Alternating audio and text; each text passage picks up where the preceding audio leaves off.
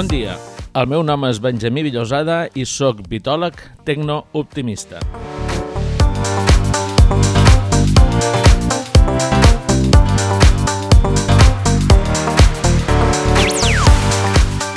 Avui és 13 d'agost de 2020 i aquest és el setè capítol de la segona temporada.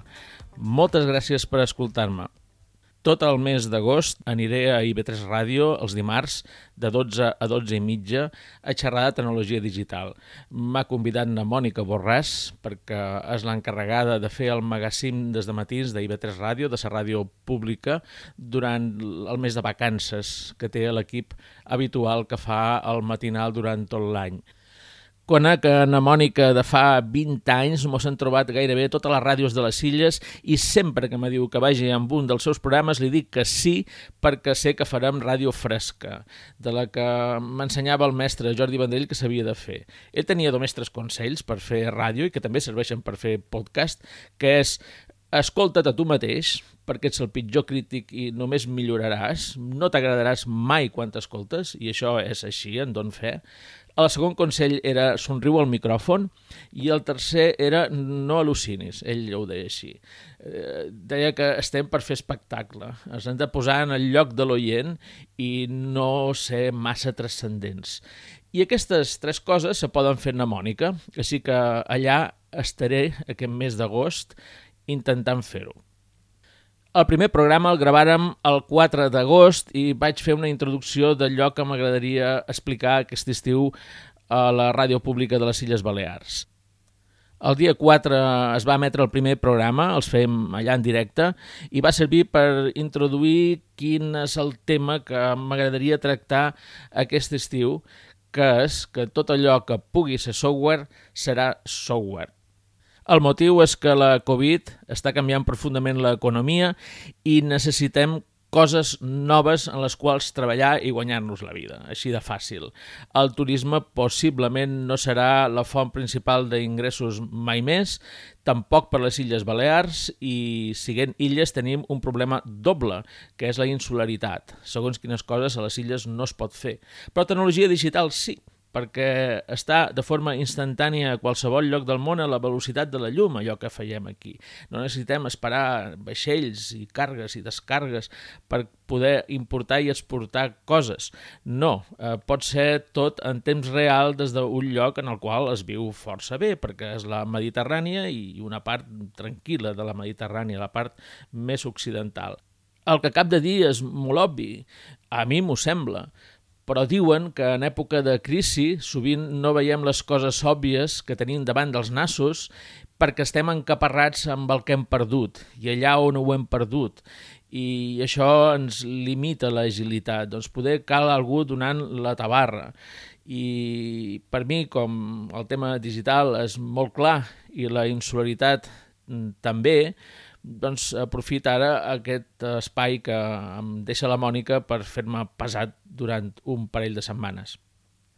En aquests moments hi ha molta gent que està cercant la moneda que ha perdut a sota del fanal, perquè és allà on hi ha llum i no en el lloc on la va perdre i necessitem que algú ens digui no, mira, mira per aquest altre racó que poder allà està la moneda perduda. I a les illes s'han perdut clarament una cosa, que són les darreres revolucions industrials. Aquí estàvem ocupats amb el turisme, no era necessari innovar gaire, que la Terra donés una volta al Sol una vegada més era suficient com perquè un munt de gent que sí que estava visquent les revolucions industrials en els seus països del nord i que estaven guanyant diners i trencant-se el cap amb innovació i en recerca, doncs tota aquesta gent cansada de fer feina tot l'any i perquè amb les revolucions industrials s'havien aconseguit coses com jornades de 8 hores i s'havien aconseguit vacances pagades, venien cap aquí i nosaltres no havíem de fer tot això que estàvem fent sense allà, però a la vegada teníem els beneficis que donava la innovació perquè se'ls gastaven en hotels, en platges, en viatges i en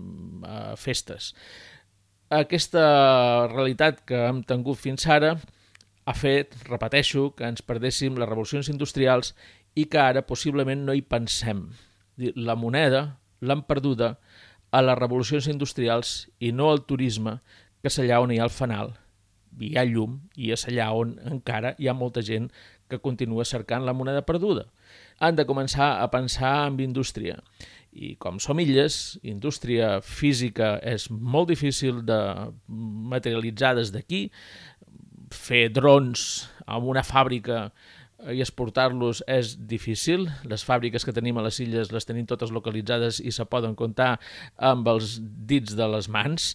No, no estic parlant d'aquest tipus d'indústria, estic parlant de la indústria que ve amb la quarta revolució industrial, que és la digital, i que per fer-la cal ser innovador i cal tenir idees, i les idees passen per convertir en software tot allò que pugui ser software. I gràcies a la intel·ligència artificial, que fa uns progressos any rere any bastant escarrufants, molt potents, gràcies a aquesta intel·ligència artificial, la quantitat de coses que se poden aconseguir convertir en software són molt grosses i moltes se faran per primera vegada. Oblidem-nos de la tecnologia digital, dels ordinadors de ratolí i de pantalles amb finestres. Oblidem-nos d'això, que és el que sí que han fet a les illes durant eh, l'anterior revolució industrial, la tercera, la forma que han tingut a les illes d'incorporar la tecnologia digital ha estat en software per hotels i bàsicament el que hi havia i per turisme eren processos relacionats amb la logística, en qüestions de logística, de moure grans quantitats de persones que arriben i se'n van i es mouen d'un lloc cap a l'altre, amb això hem estat molt bons i en facturar-ho, en quantificar-ho, en fer escandalls i saber els beneficis, en marcar els preus. Amb aquesta qüestió logística hem estat molt bons, però això s'ha acabat i ja no mourem tants de milions de persones en tan poc temps i això, si torna, eh, ja ens haurem arruïnat i ho faran nosaltres. Amb la qual cosa no hi pensem més. Centrem-nos en un altre tipus de tecnologia digital que està relacionada amb la intel·ligència artificial, amb el que s'anomena machine learning, amb el que també es, coneix com a deep learning, amb aquesta cosa que acaba d'aparèixer ara, eh, que se'n parla molt, que es diu GPT-3, haurien de saber què és, i d'això vaig parlar al primer programa, el que no, no he publicat en aquest podcast, que és necessari que sapiguem d'acabar tot això, perquè si ho sabem i ho coneixem, trobarem coses noves que podem convertir en software gràcies a aquestes tecnologies que, repeteixo, no són les dels ordinadors que ens feien la logística amb pantalles, amb finestres i ratolins. En el primer programa vaig aconsellar que tothom fes el curs Elements of AI, està en anglès, però és un curs que té sis capítols i cada capítol té tres articles i cada, al final de cada article, quan l'has llegit i l'has estudiat, tens unes preguntes, se t'avalua i acabes tenint un títol. I és un curs d'intel·ligència artificial Elements of AI, en el qual ja li vaig parlar en aquest podcast, i que sé de gent que l'ha fet perquè ho va sentir en el podcast i es n'estan molt contents, doncs ara, amb la nova situació, quan ho vaig dir era pre-Covid, a la nova situació post-Covid, crec que és que l'hauria de fer tothom. I tenint, incorporant a la seva mirada el que aprendran en aquest curs, pot convertir en software coses que en aquests moments ni ho sap, ni ho sabem cap de nosaltres. És necessari tenir aquesta mirada digital i quan se tingui la mirada tindrem mm, novetats, bones notícies, nous negocis que es faran a les illes. Una de les coses que vaig dir, que insistiria, és que aquest curs no és per informàtics, és per qualsevol persona de qualsevol ofici perquè tingui aquesta mirada digital d'intel·ligència artificial Uh, I a més a més el seu ofici descobreixi coses que pot convertir en software. Llavors ja, ja anirà, anirà a cercar informàtics. Però possiblement no haurà d'anar a cercar ni tan sols informàtics, sinó algú que li faci d'intèrpret, de pont entre el seu ofici, el negoci i els informàtics. Algú que sabi que és el que ha de demanar en els informàtics.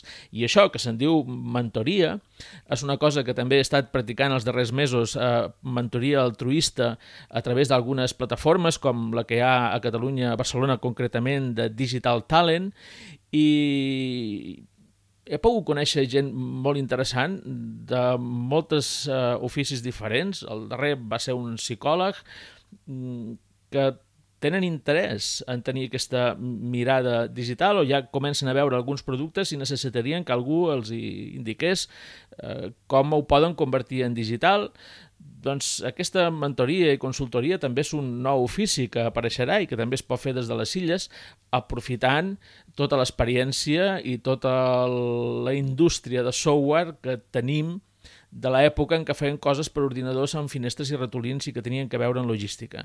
Tota aquesta part també s'ha de reconvertir. Bé, doncs, seguint aquest relat de que hem de convertir en software tot allò que pugui ser software, que ho farà gent de qualsevol ofici si prèviament té una mirada digital i especialment en quant a intel·ligència artificial, doncs ara tocava posar casos que serveixin de referència per la gent que sent el programa d'IV3 Ràdio i també els que sentiu aquest podcast. I la referència d'ahir va ser en John Tugores. En John no és informàtic, és pilot, comandant d'aviació amb Vueling, és arquitecte i també és fotògraf. Acaba de publicar un llibre i en té un altre que s'està cuinant, està fent xup-xup. En John no és informàtic, però li atrau molt. Ell em deia, m'apassiona la tecnologia digital. Llavors la incorpora, la du sempre posada sobre aquesta mirada i la incorpora en els seus tres oficis, que és el d'arquitecte, de pilot de Vueling, és comandant, i també amb la tasca de fotògraf i que és art, són tres coses mm, prou diferents, també relacionades entre si i totes amb un component tecnològic molt interessant que és el que vos volia transmetre. Al final no vàrem parlar de fotografia, així que no descartam que en John torni a explicar-nos coses, perquè és el que té la ràdio fresca. En el moment en què li volia preguntar pel tercer ofici perquè el temps donava de sí, ens vàrem posar a xerrar de medicina i de tecnologia digital per la salut, que ho vàrem improvisar perquè no era el tema que havíem de tractar aquell dia. Però bé, ho sentireu a continuació. Aquí teniu els 39 minuts de conversa amb en John Tugores i na Mònica Borràs a IB3 Ràdio, que se va emetre ahir, dia 12 d'agost de 2020.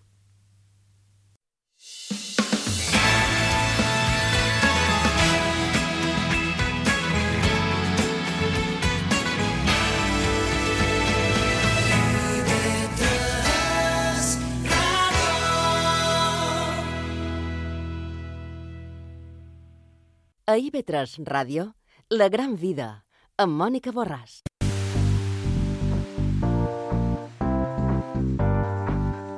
Un món interconnectat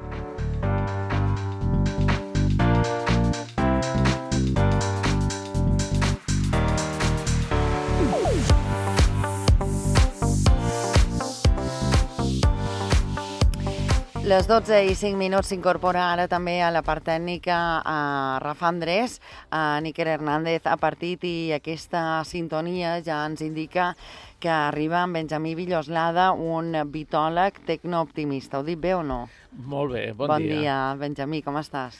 Content d'avui estar aquí amb vosaltres i amb un convidat que presentaràs tu perquè és el que tenen és el que té ser presentadora, no? La presentadora presenta. És en, uh, uh, en Joan Tugores, que ha arribat directe des de Terrassa avui sí. de matí, directe. Sí, sí, sí, ara mateix. Bon dia. Bon dia. Benvingut Molt... i ben aterrat. Ostres, Ostres. moltes gràcies per convidar-me. Uh, en Benjamí liat doblement, eh? I tant, i tant.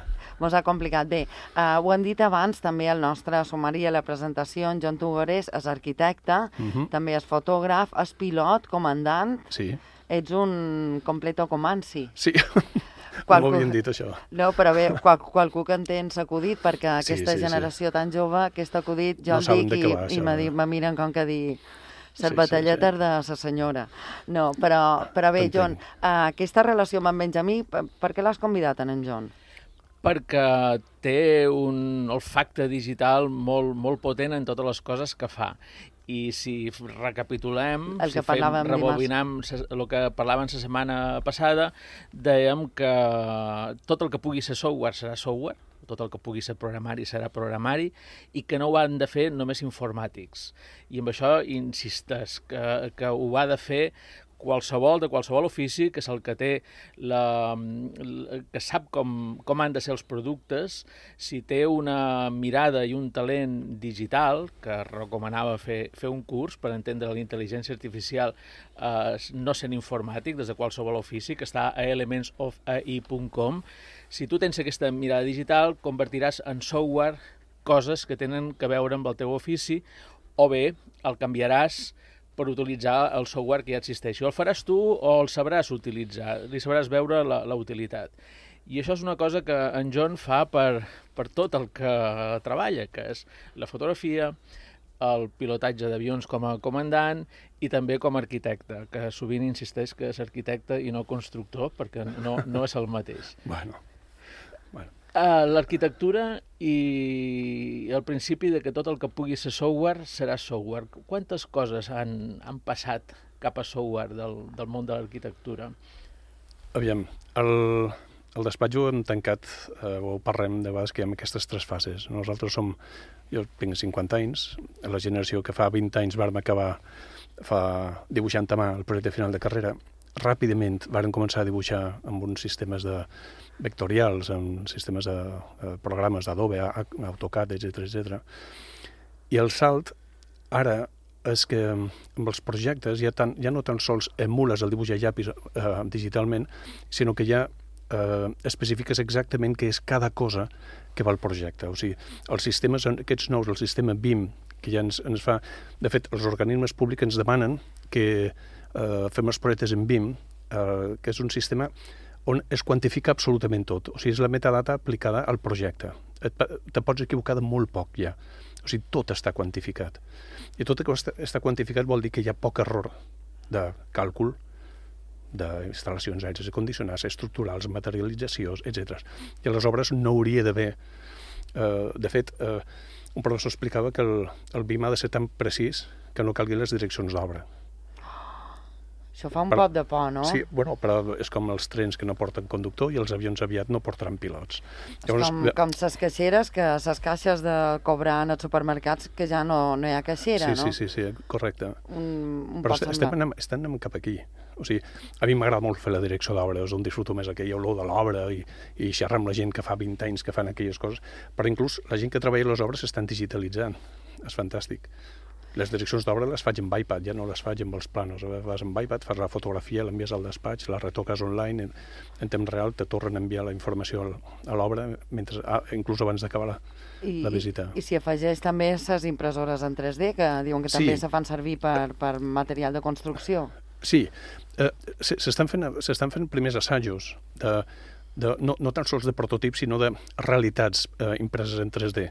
El tema de la impressora en 3D a un estudi d'arquitectura, la impressora 3D eh, moltes vegades és conclusiva.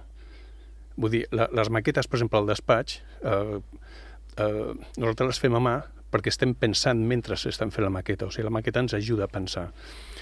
Ara, una vegada tens la maqueta, és, és molt més fàcil fer-la en 3D. Nosaltres no ho fem. Per exemple, la tercera fase que comentava abans, nosaltres hem començat a treballar fa dos anys amb realitat virtual. O sigui, sabem que eh, si no estàs ficat en aquest món d'aquí un temps eh, no hi seràs. La realitat virtual fa pues, que un client li posa unes ulleres i, i veu a la casa. realment com és el seu habitatge, la seva oficina, el seu Vull dir, és una passa més endavant d'aquests programes de decoració, no? que te posen un sofà aquí, te mouen sí, la sí, cuina, sí. aquí una planta, mm. i això ja és la versió eh, 3.0, 5.0, no sé en quin número estem ja. Sí, això ho ha de dir el Benjamí. Sí, això sí. ho sap ell. Les ulleres és una d'aquelles coses que fa quatre dies. Aquestes ulleres tipus HoloLens, Oculus Rift, les Oculus Rift és la que fa Facebook. Sí. Quan entreu al Facebook, surten ara un grapat de logotips davall. Doncs al darrere de tots que ningú sap què és, que és com si fos una O caiguda, són les Oculus Rift, i que són les que té en, John en el seu despatx. Però té una versió anterior, que anava en cable, les noves ja no duen cable. I, Ui, això és molt i, amb, amb, un, amb un... No? Han passat dos anys. És allò que dèiem de la llei de Moore, que la llei de Moore, que no sé si la vàrem explicar la setmana passada, doncs mira, no li toquen aquesta. Cada 18 mesos la tecnologia és el doble de potent que ho era fa de 8 mesos enrere. Vull dir que en aquests moments eh, la tecnologia és el, el doble de potent que fa un any i mig, no més. Vull dir, estem parlant de finals del 2018, Ja del obsolet. 2018, fa dos estius, el que hi havia ara és el doble de ràpid. Però clar, és que normalment no estem avasats a calcular les coses amb, amb, amb el pensament exponencial del doble. Si féssim una, una construcció, una carretera, amb tecnologia exponencial, el primer dia faríem un quilòmetre, el segon en faríem dos, després en farien quatre. La carretera ha de tenir mil quilòmetres. Quan duim una setmana i només n'han fet 32, eh, mos diuen que anem molt a poc a poc amb aquesta tecnologia nostra nova exponencial. Però la qüestió de tot plegat és que si esperam eh, el, de, el darrer dia, el dia abans de l'inauguració, i miram quan queda per fer la carretera, per acabar-la, la carretera de 1.000 quilòmetres el dia abans de l'inauguració té només 500 quilòmetres fets. El darrer dia en feien 500. Però és que si dèiem, ja, ja que està imposats allò, de ja que hi som, que sempre passa totes les obres, ja que hi som, i t'hi estàs un dia més, tens 2.000 quilòmetres. Però és que si t'estàs una setmana més, en tens 32.000. I llavors és quan algú diu per què no ens estem un dia més i ja. donem la volta a la Terra, perquè la Terra té 48.000 quilòmetres. Doncs si estan un dia més, fan una volta i mitja a la Terra, perquè són 64.000 quilòmetres els que han fet. Això és, és tecnologia exponencial. Això vol dir que quan van sortir les ulleres, i la, la majoria de la gent se n'enreia, eren grosses, pesaven, eren lentes, es veien píxels, eh, no tenien la definició que la gent esperaria d'una cosa revolucionària. I, I sovint el que passa és que hi ha molta gent que passa del tema i que diu no, això no serveix, és molt millor eh, veure-ho en, en directe. Doncs bé, és qüestió d'esperar de 8 mesos, una altra vegada de 8 mesos, de 8 mesos, de 8 mesos, i arriba un moment que aquella tecnologia pega un bot tan gros que qui no té experiència i qui li agafa tard, qui no s'hi ha posat, llavors en aquell moment ja és, ja és massa tard per començar, no? I, i això ens que ha el- passat amb moltes coses en El digital. grau de definició d'aquestes ulleres és absolutament excepcional. Jo, la meva teoria és que només hi ha un tema que és l'olfacte, perquè nosaltres visualment ja podem fer creure a un client que està exactament allà on està. O sigui, hi ha poca diferència amb la realitat. Uau. I li posem els cascos de so ambiental, però l'olfacte és el que falta. Però tot el més, o sigui, és, és tremendo, és fantàstic. O sigui, no hi ha diferència amb la realitat. Una de les primeres bromes que va haver a internet és que quan va aparèixer el vídeo per internet, eh, la primera empresa que ho va fer es deia Real Video i va aparèixer una empresa fake, una empresa de, de mentira, de broma, que es deia Real Aroma, Real Aroma. I, i deien que a través d'internet se podrien enviar aromes, no? Olors, fins i tot... I, eh? I no, era una broma, però possiblement és una cosa que passarà, Jo que- perquè sí, és qüestió de química, de, tot està, té unes sí. fórmules químiques, és qüestió de que eh, tinguis, els, igual que amb les impressores 3D, tinguis els materials essencials bàsics perquè un, una, un algoritme tregui la mescla i la emeti per alguna cosa que t'arribi eh, Però al és que el nas. cercle és complet ja. Sí. És- la- L'aspecte més- sensorial sí, ja sí. és complet. I a més, a l'hora de conèixer persones, no? que ara molta de gent, eh, sa manera de- d'entrar en contacte, de, de fer vida social, no? conèixer persones, llavors si mos ha arribat solo d'aquella persona també seria ja Podria ser un, un revulsiu puntasso, també, no? podria ser un... Insistes que amb una frase que mos va dir Carles Riera l'altre dia, te'n recorden Carles Riera? I que era, tant. I de, va entrar una, fent de DJ a una... No a Menorca? Sí, és Sí? a Menorca. I mos va dir, si la veu t'enamora, no pugis a l'emissora. Vull dir que seria extrapolable també si solo que mos arriba d'aquella persona ja no mos agrada, també seria un, un punt a tenir en compte, no? O imagina Fent que t'arriba només la- l'olor i, i, i, te, i te fas una... Un, no, és una olor Ah. fantàstica i te fas una imatge que després tampoc va en la realitat. També podria ser. O com les fotos de perfil, fins aquí que estàs diví i llavors cos eh, no va en consonància, no? És a dir, fins aquí vull dir sa cara, fins en escoll. I, i llavors, bé, bromes, trampes, eh, sempre n'hi haurà, també a internet, no? Sí, i, i tot està per fer. Eh? Insistim en això. Vull dir que les coses que ara estem dient de broma possiblement seran una realitat d'aquí a 10 anys. Coses que penses que en el món de l'arquitectura ara no són software i que podeu seran i que faran aquesta cosa que tothom té tanta por, que és que eliminaran el meu lloc de treball.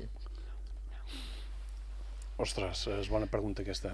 Uh, Um, tampoc és necessari que contestis ara perquè justament és la, la pregunta que, que fem o, el- el repte que posam a, a, a la societat ara que tenim tants de problemes eh, econòmics i que no sabem què farem amb el futur la idea és que tot allò que pugui ser software serà software que si tens una mirada tecnològica, digital, en el teu ofici seràs capaç de trobar el, el què i que no és evident, simplement s'hi ha d'estar pensant constantment i, i un dia te'n dones compte, dius, mira, això que està fent aquest ara, això podria ser software i encara no existeix.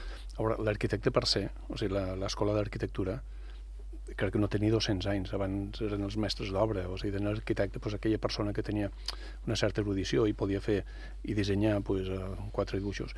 La, la, la instal·lació de l'escola d'arquitectura no sé si arriba als 170 anys, de fet. Eh, jo sóc d'aquells que lamentablement crec que si no ens adaptem, com per exemple l'enginyeria ha tingut aquesta capacitat d'adaptar-se constantment al món de l'enginyeria, les enginyeries van començar la civil, la naval, la industrial, Ostres, ara eh, hem entrat, eh, vaig entrar ahir, la UPC ha obert l'enginyeria de la metadata. O sigui, tu ets un enginyer per controlar la metadata. Hi ha enginyers de paper, enginyers aeronàutics, enginyers eh, de videojocs. I l'arquitecte roman encara com aquesta mirada universal. Jo sóc d'aquells que fa temps, eh, ja a l'escola d'arquitectura explicava ostres, eh, ens hem d'adaptar. Si no, acabarem sent un programa de software, perquè ja cada vegada hi ha programes que te dissenyo tu casa o sigui, el que crec que ens han d'ensenyar a manegar certs programes o sigui, crec que la metodologia de treball canviarà totalment. Això estic d'acord. I les ulleres simplement és un, les, les òculos, aquesta realitat virtual, és un tema transicional. O sigui, és un moment. Passarem a una altra cosa segur. I no sé quina és, però m'interessa molt arribar-hi. Voldria molt breument explicar què és metadata, perquè tal vegada és una paraula que se'ns escapa. Uh, serien ses dades sobre ses dades? O què, què és la metadata? Per exemple, d'una fotografia, les metadades no serien el paisatge en si, sinó el lloc del GPS en la que es va prendre, el dia, l'hora, la marca de la càmera, l'objectiu, l'obertura, mm, el, el zoom, si n'hi havia, si no n'hi havia. Aquesta informació que hi ha al voltant de la fotografia és una de les formes més fàcils d'explicar que són les metadades. No? I això és el que permet, per exemple, que tinguem les fotografies ara nosaltres eh, posades damunt d'un mapa no és perquè cap robot d'intel·ligència artificial digui ai, mira, això és escoll d'en Rabassa. No, és perquè hi havia unes dades del GPS eh, del mòbil que s'havien depositat juntament en l'arxiu de la fotografia. Ara, duguent-ho a nivell usuari un poc, seria tot allò que tu dius, mm, com és que m'ha com és que si li dic fotos de no sé què, mm, les ubica totes o em fa una selecció uh -huh. perquè juga amb aquestes metadades, no? Una, una mica. Uh, el dia que hi hagi metadades per la ràdio, que de fet ja hi és, que els programes de veu els escolten robots, eh, podria posar un, un caramull de metadades en el programa d'avui que fes que fos molt fàcil trobar-lo. En el moment en què se penja a internet, a Spotify, a podcast, i que se'n cerqui el, el nom d'en de, John, doncs que apareguin eh, John el dia que vaig xerrar de tal cosa. Doncs les metadades serien les que trobarien aquest programa de ràdio. I això mm, ja hi és en, en vídeo, eh, el que passa que la veu encara és la part una mica més, més endarrerida, però amb les imatges ja pots tu dir amb un cercador vull fotos en els quals aparegui un moix blanc davant d'una ximenea amb el foc encès i te la troba. És curiós, ara, eh, és que li volia comentar a en Benjamí també, que a vegades xerram, o ell xerra d'Alexa, o eh, fa bromes de si la castiga o, o el castiga ella a ell, i li diu la temperatura en Fahrenheit en lloc en Celsius, no, això és una broma que va fer en Celestí un dia, o en Benjamí, perdona, i, i l'altre dia eh, es Google es veure que a vegades si li demanes que te faci una llista de música que a tu t'agradi, a vegades te l'encerta millor que tu mateix, fins i tot grups nous que no coneixies i mm, el 80%, no vull dir tots, però 70-80% t'agraden i te sorprenen.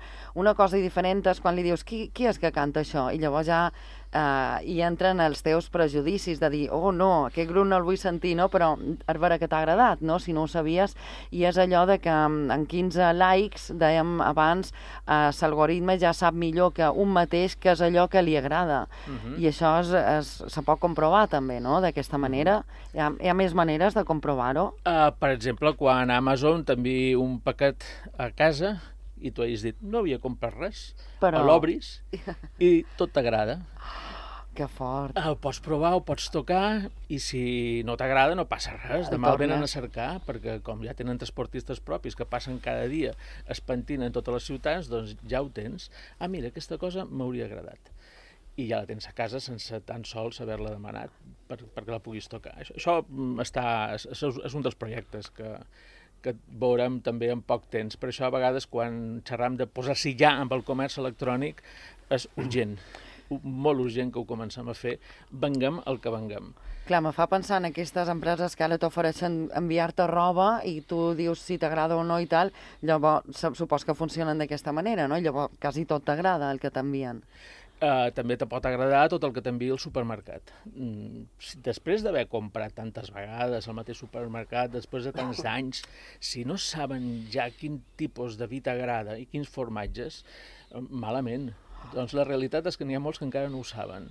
Això pot fer eh, que mos imaginem allò que sovint deim, que tot està per fer, que encara pot haver empreses de, de comerç, d'alimentació, que no existeixen i que no sorprendran en coses d'aquest tipus. Mira, la gent indecisa que està allà, que compra aquesta marca, aquella altra, pam, ell ja ho sap quin art de comprar.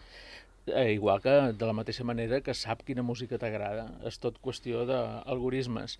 I a més a més estalviar-te la feinada d'anar al supermercat, que significa eh, agafar les coses de la lleixa, posar-les al carro, del carro posar-les a la cinta, de la cinta posar-les una altra vegada al carro, del carro posar-les al maleter del cotxe, del maleter del cotxe a l'ascensor i de l'ascensor al frigorífic aquesta feinada que feim la majoria i que no és gens divertida ni creativa, també ens la podríem estalviar. Uh -huh. Són moltes les coses en qualsevol ofici que encara estan per fer, que avui no són software, però que ho seran.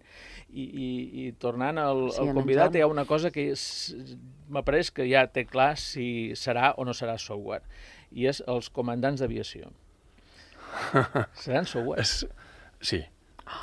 Sí, sí, tant. És a dir, la persona física ja no hi serà dins l'avió? Um, si recordeu les pel·lícules de quan érem petits, hi havia tres o quatre membres de tripulació a les cabines, no? Hi havia un navegant, hi havia un mecànic, un enginyer de vol, el telegrafista, el copilot, no sé exacte, què. això, bueno, això que inclús abans, uh, cinc o sis, o sigui, s'anen reduint. O sigui, nosaltres som personal necessari avui en dia per eventualment desapareixerem, igual que expliqui-li al meu avi, a Esporles, que un dia aniria entrant i no hi hauria una persona davant fotent carbó a la màquina, no? sinó que apretaria un botó i elèctricament aquella cosa, sense un conductor, aniria fins on sigui, no, no es pujaria, no s'hagués pujat el meu avi. Què passa? Hi, hi, hi havia sensoristes, perquè no ens refiàvem dels ascensors. Exacte, Barat, sensoristes. Exacte. exacte. Llavors, aquesta figura, eh, els pilots, clar, és, és, no, no queda molt bé dir-lo quan tenc un peu ficat a l'aviació i els companys me diuen, hombre, no, esto no nos va passar, però, o sigui, clar que passarà i tant, o sigui, Airbus la, la setmana passada va fer la primera, el primer rodatge, enlairament, vol, aterratge i rodatge fins al, fins a la, diguem fins al finger, el va fer un avió autònomament. Llavors, la meva teoria és que abans de 5, entre 5 i 10 anys, com a molt hi haurà una persona en cabina i clar, i de, després vas parlant, eh, jo ara estic fent classes, a, no dono classes d'arquitectura, estic fent un estatge Ara porto uns anys d'enginyeria superior aeronàutica, a la UPC, i els enginyers t'estan explicant que amb el 5G hi haurà un senyor amb sabatilles o una senyora amb sabatilles amb un cafè, amb un Nescafé, segut al millor lloseta, controlant avions d'una companyia aèria, perquè no hi haurà ningú davant. I el moment que el software d'aquell avió funcioni, el hardware inclús, aquella persona a terra se connectarà en temps real i volarà aquella cosa. Però clar, el moment que tu pots reduir personal i tal, les companyies pues, de fet, quan l'avió té algun problema que vosaltres no heu detectat, eh, vos avisa fins i tot el fabricant, tinc entès. Sí, sí, és correcte. Eh, els avions d'avui en dia, com que la competència és molt, és molt intensa entre les companyies i eh, han de cuidar d'aquelles coses petites, d'aquells detalls per fer que la companyia funcioni bé. Vull dir, un detall, eh, eh, un mal hàbit en una companyia que consumeix més combustible pot fer que a final d'any aquell petit consum de combustible per vol esdevé posar millor la quebra de la pròpia companyia. Les companyies que fan? Nosaltres ara volem avions que són es gestionen amb ordenadors. L'Airbus està al voltant de la vuitantena d'ordenadors. I aquests ordenadors que fan és autodiagnostiquen l'avió en temps real i envien la informació a través d'un sistema que és UFDM, Flight Data Monitoring. Llavors, per exemple, a qualsevol companyia amb avions moderns, Airbus, Boeing, qualsevol marca, que utilitza l'FDM, el Flight Data Monitoring, saben des de la base d'aquella companyia, en temps real, el que està passant amb cada avió i tot això que estaves explicant abans, saben a quina velocitat va, quan pes porta, quin centre de gravetat porta, eh, cap on gira, quan consum té, com funcionen sistemes elèctrics, com funcionen sistemes de comunicació. És metadata, una altra vegada, la big data aplicada a l'aviació. Aquests sistemes que serveixen perquè les companyies eh, rectifiquin protocols i estableixin protocols nous per fer que la cosa sigui molt més efectiva, repercuteix també al sector humà, el hardware humà o el software humà, com li vulgui dir, en, en protocols d'actuació, en, en, en procediments. Però també en preavisos. O sigui, l'avió no tan sols te diu me falla este sistema, sinó que te diu me fallarà este sistema. El qual és molt interessant, perquè si tu saps que et fallarà, aquell avió ja no el poses en una ruta que va a un aeroport on saps que no hi ha manteniment, perquè saps que en aquell vol possiblement necessites un manteniment quan arribes allà. Llavors estalvies molts diners estratègicament és, és, és brillant aquesta història. De... A vegades mos sap greu, bueno, de fet vos recordam, conversam amb Benjamí Villoslada i també amb John Tugores, que és arquitecte, pilot, comandant, fotògraf, un completo comanci, que hem dit abans, i eh, feien referència, bé... A això ell... sortirà a Twitter, això de completo sí? comanci. Ai, m'encanta. um, uh, Menorca, que d'aquí un any tindrà una torre de control virtual a l'aeroport també. Sí que hi ha gent que no hi està totalment d'acord, que no hi hagi fins i tot una persona a qui recórrer a, a Menorca si fes falta. Vull dir que això se controlarà, crec que des de, no sé molt bé des de Bon, però no des de Menorca. Eh, és igual, és igual. O sigui, els drons que estan volant per diagnòstic de territori o per temes de eh, ajudes humanitàries que estan volant a Afganistan es controla un senyor i una senyora assegut a Wisconsin en una sala d'obres. És igual el tema. El, tot, L'error humà és una d'aquelles coses que l'enginyeria s'intenta evitar. L'enginyeria dels automòbils, de l'aeronàutica, la nàutica, intentes evitar l'error humà. I l'error humà ha provocat accidents en qualsevol sector de la mobilitat i qual sector de l'utilització d'un aparell. Eh, el moment que pots treure l'error humà, li estàs afegint l'error de la màquina o aquell escenari que no has contemplat. Per això, durant un temps, jo crec que encara hi serà el, el ser humà. Però que hi hagi una torre virtual, a mi em sembla absolutament fantàstic. De, però, o sigui, una però, torre virtual podrà veure a través de la boira, per però exemple. Però serà hackejable, és a dir, si llamota hackejant ah, la que... torre, mmm, què feim? Um, suposo que aquests sistemes, saps, si des del moment que pots hackejar la NASA, suposo que una torre a Menorca és fàcilment... Vamos, hack... en dos minuts. Però eh, aquí és on els enginyers s'han de, crec que s'han d'esmerar amb el tema de seguretat i...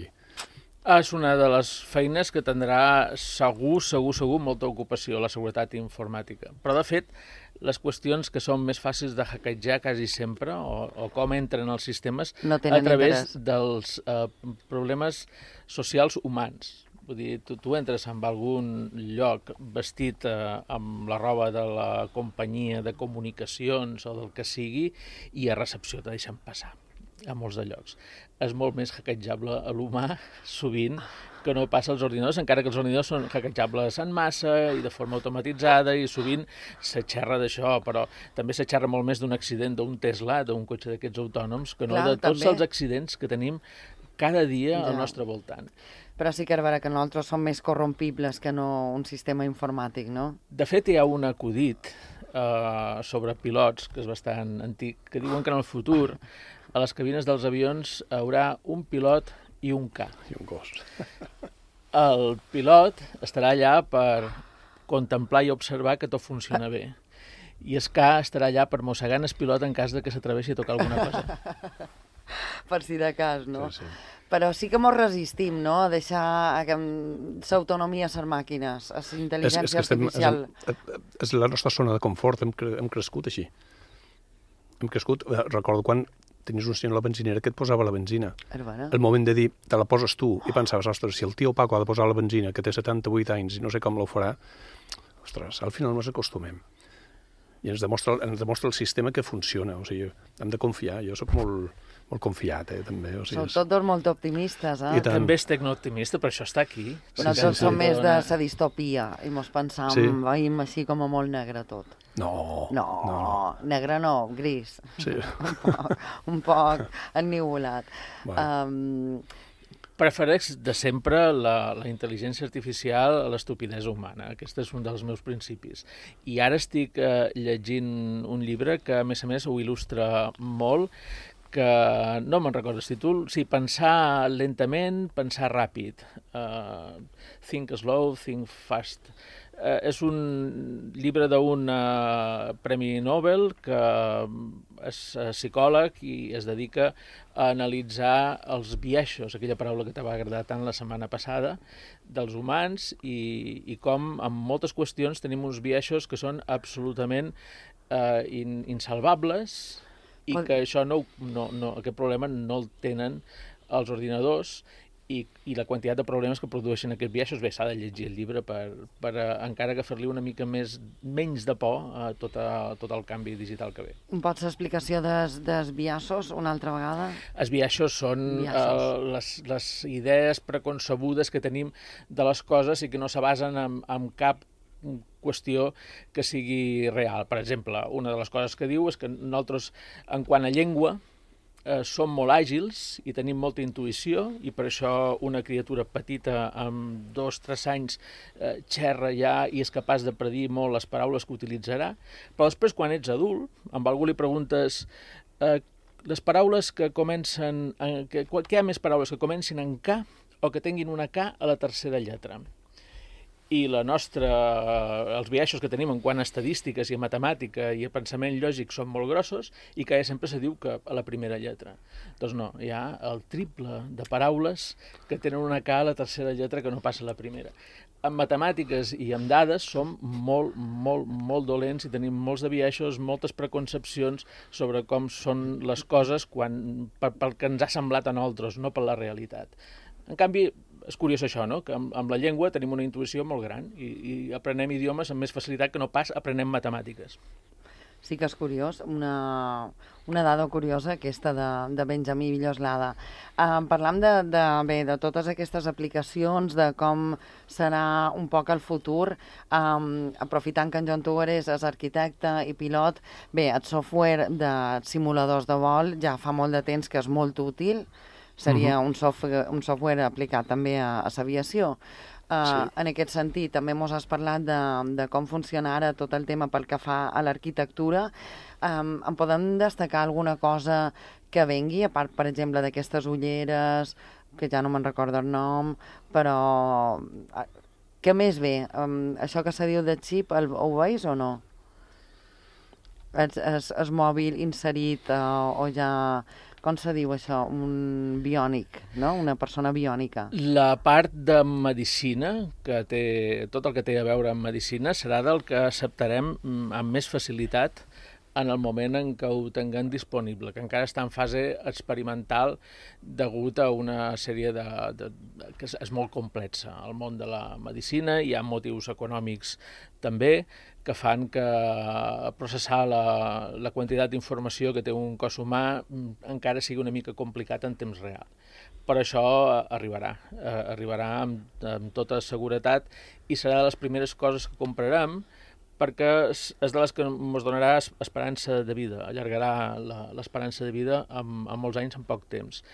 Eh, podem xerrar, si t'assembla bé, la setmana que ve o l'altra. En quant a medicina, a telemedicina, hi ha una cosa molt interessant que es diu CRISPR, que és a, a poder editar, o sigui, poder fer cuts, copy and paste del nostre ADN i que modificant segons quines parts que ja se coneixen de l'ADN eviten enfermetats bastant tremendes i se poden eliminar i substitueixen fins i tot a les, a les vacunes perquè ja la, la, la, la malaltia te la lleven del teu propi ADN, la qual cosa ja, ja no pots, no te poden atacar per aquest costat, ja t'has uh, protegit, però passa que hi ha tantes malalties, hi ha tants ADNs diferents, que el que encara ens cal és que passin unes quantes eh, períodes de 8 mesos de llei de Mur perquè augmenti la capacitat de procés, la capacitat de magatzematge, perquè puguin tenir tots els teres de cada humà allà processant-se en temps real i a base de sensors i a base de sí, eh, sensors que ens dipositarem o a la pell o davall de la pell,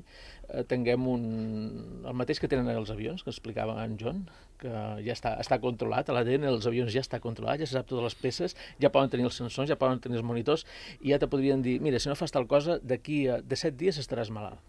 Oh, quina por que fan aquestes coses. Bé, vosaltres ho veus de la forma... Vosaltres hi esteu a de dins una mica i ho viviu d'una altra manera, però els que són profans eh, mos fa respecte a algunes d'aquestes coses i, i és comprensible, no? Necessitarem aquest temps d'adaptació i d'entendre les coses, que mos ho expliquin i comprovar que, que no mos fa por, que no hi ha perills també contra la humanitat o contra nosaltres, no? Sí, però- Mira, en Joan me mira. No, no, però fixa't com el mòbil ens hem adaptat a una velocitat de vertigen. Ai, sí. no? en 20 anys. Hem estat 70 anys amb aquelles coses que havíem de donar voltes o apretar botons i ara est no estem disposats a renunciar a la informació que ens dona el mòbil. De fet, quan te- estem cap... o sigui, té una intel·ligència abstracta que és capaç de retindre informacions de, gairebé en temps real, diferents aplicacions obertes i les creuem nosaltres mateixos. Uh, jo soc d'aquells que pensa que el mòbil comença a estar obsolet. O sigui, no- nosaltres... Uh, hi ha aquell episodi fantàstic de Black Mirror de Netflix i, i segurament això, ja estem parlant, és una cosa que es va pensar ja fa dos, anys, dos o tres anys. Uh, hi ha un episodi on una lentilla d'aquestes em posa l'ull, emmagatzema tota la informació, grava el que passa cada dia, tu pots tornar a veure una reunió simplement activant un sistema de memòria que està dintre d'aquesta mateixa lentilla, te la pots treure. Eh, o sigui, aqu aquest sistema, jo no sé quin serà el proper, no sé si és un xip que anirà sota el braç, però crec que això és absurd. No, sé, jo crec que sí, sí que serà un tema lligat al nostre cos, però no crec que serà visible. Crec que es gestionarem la informació d'una manera... No, no ho sé, em veig bé, segurament té alguna pista més, més aviat això, però sí crec que... Un... El tema No. d'oïda i el tema de vista farà que les pantalles de mòbil no siguin necessàries eh, junt amb el, els gestos. Els gestos a les mans eh, també eh, són la, seran la nova forma de tocar les pantalles. I això ja està força experimentat i força avançat i de moment no es pareix que és, que és ridícul, perquè quan ho pensam nos eh, provoca una mica de pudor, això de, de fer gestos al, a l'aire, però si recordam, fa 10 anys ens feia bastanta cosa xerrar amb, amb, amb veu en, amb els mòbils pel carrer, fa 15 anys. Bueno, fa, ho trobem una horterada total, eh? Exacte, i ara No. ja no. Eh, ara, de fet, mira. avui en dia el mòbil s'utilitza més com si fos un, una Un llesca de pa torrat Sí. eh, que no pas posar-lo a l'ullera, no eh, ai, perdó, a l'orella, i tot això de la veu, per exemple, ha, ha estat un exemple de com hem, ens hem anat adaptant Sí. a una nova interfície, que és la de la veu, i, i ens, en, ens adaptarem també als gestos d'algú que no té cap aparell davant, ni cap auricular, ni res, i movent-se eh, dona ordres. L'altre l'altre dia em van convidar a la presentació d'un cotxe a Barcelona que, que amb, el, amb, una, amb la mà dreta controles absolutament tot. O sigui, hi ha un sensor que t'avalua la mà, llavors tu li dius, vull música, pots la mà de certa manera, puges la música, baixes la música, saltes de, de cançó i ho fas tot amb la mà. I no, no hi ha... És interessantíssim. No, um, Benjamí, moltes gràcies. Moltes gràcies per tu, en Joan Tugores, que ens ha portat gràcies avui molta informació directe des de Terrassa a Mallorca i, i tens una cama a Esporles, mos has dit. Tinc? Una cama, Sí, un, una, sí, un sí, avantpassat, un, sí, i un tant, avi. i tant. Aquí li deien tenir una El cama, un Sí, sí, no, i tant, i tant. Tugores. llinatge, sí, No, jo sóc de pare, data. pare d'Esporres i mare britànica. Ah, mira. Bé, idò, moltíssimes Tot i gràcies, bé. Joan Tugores, per haver vingut avui també en aquest espai de. Benjamí Villoslada. Moltes gràcies i la setmana que ve en coneixem eh, més d'aquestes coses. Més coses que podran ser software. Gràcies. Fins la setmana que ve. Fins la setmana que ve. Gràcies, Joan. Gràcies, gràcies.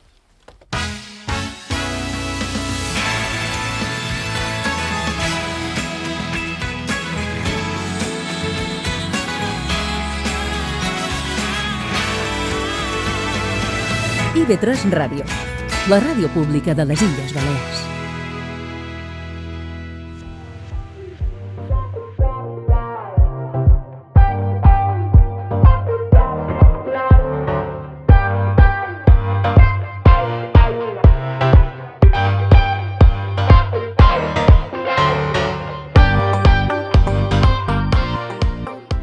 Fins aquí la col·laboració d'ahir a IB3 Ràdio. I no vull tancar aquest capítol de podcast sense demanar-vos una disculpa per no gravar més sovint. Tenc un bon grapat de temes, alguns han caducat i el motiu és que el nostre fill Pol va cresquent, dorm manco hores, està molt més actiu les hores que està despert i he après a escriure i a llegir i a fer moltes coses amb ell a la faldilla, però gravar podcast es resisteix. És una cosa que necessita una certa liturgia i silenci i, a més a més, ara estaria encantat en tants micròfons i tants botons de la interfície USB i... No, que hauré d'aprendre a gravar podcast a les dues de la matinada sense que se m'anoti la veu de son i de cansat. No sé si ho aconseguiré, però potser ho hauria de provar. En qualsevol cas, moltes gràcies per arribar fins aquí i per escoltar-me.